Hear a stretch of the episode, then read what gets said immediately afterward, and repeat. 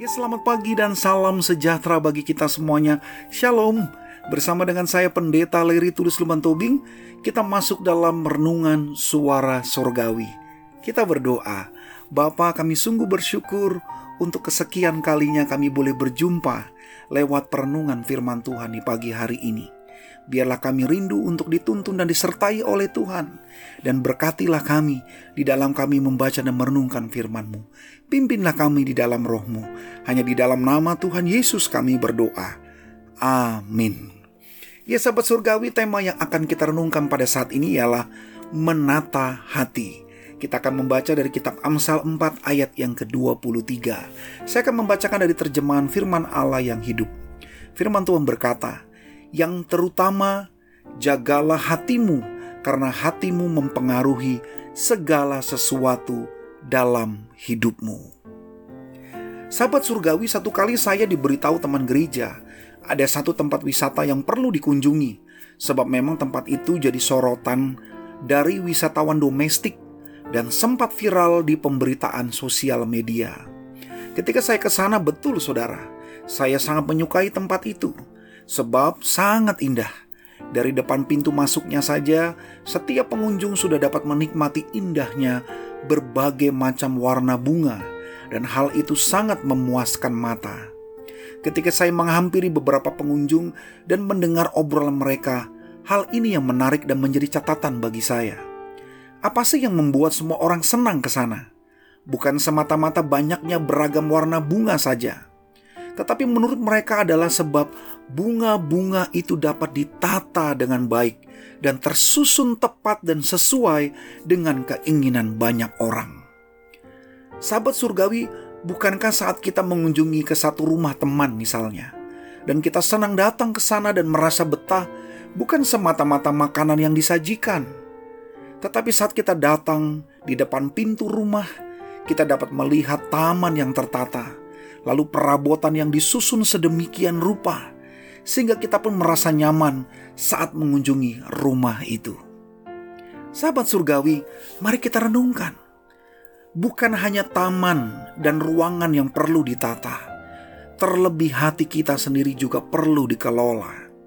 Sebab menurut penulis kitab Amsal, hati sangat mempengaruhi besar atas apa yang kita rasakan dan apa yang kita tampilkan dari diri kita karena memang hati merupakan tempat tumpukan rekaman kejadian masa lalu yang bisa saja belum selesai, atau peristiwa beberapa hari sebelumnya, bahkan saat ini, dan hal itu sangat mempengaruhi besar terhadap seluruh hidup kita.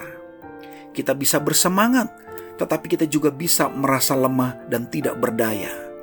Mungkin saja ada orang-orang yang pandai menutupi sikapnya dari rasa tidak nyaman di hatinya tapi kalau terus-menerus dibiarkan, itu bisa menjadi racun dan penyakit berbahaya yang bisa menyerang kesehatan kita kapan pun juga. Untuk itu, sahabat surgawi, apa yang diingatkan oleh Amsal ini menolong kita untuk bisa bersikap benar dalam mengelola hati kita. Jangan biarkan hati kita ini hancur dengan berpengaruh besar atas hidup ini.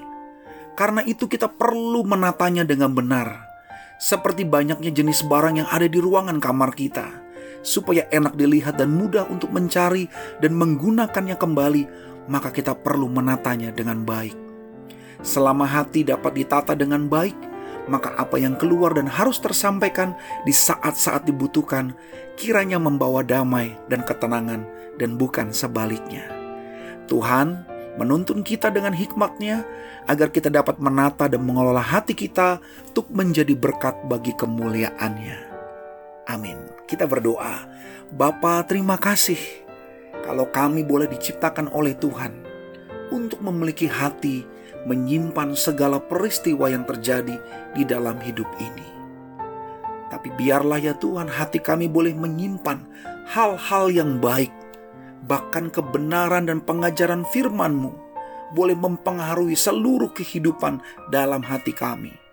Agar apa yang kami tampilkan, agar apa yang kami bisa wujudkan dari kehidupan kami, kiranya semuanya itu boleh terlahir dari hati yang boleh tertata dengan baik, dengan tuntunan dalam kasih Tuhan.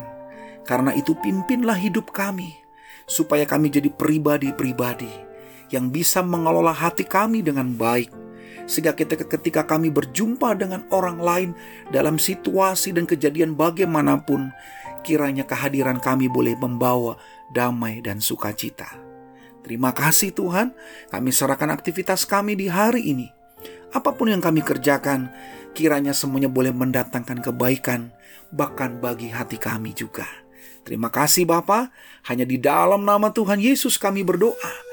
Amin. Tuhan Yesus memberkati kita semuanya.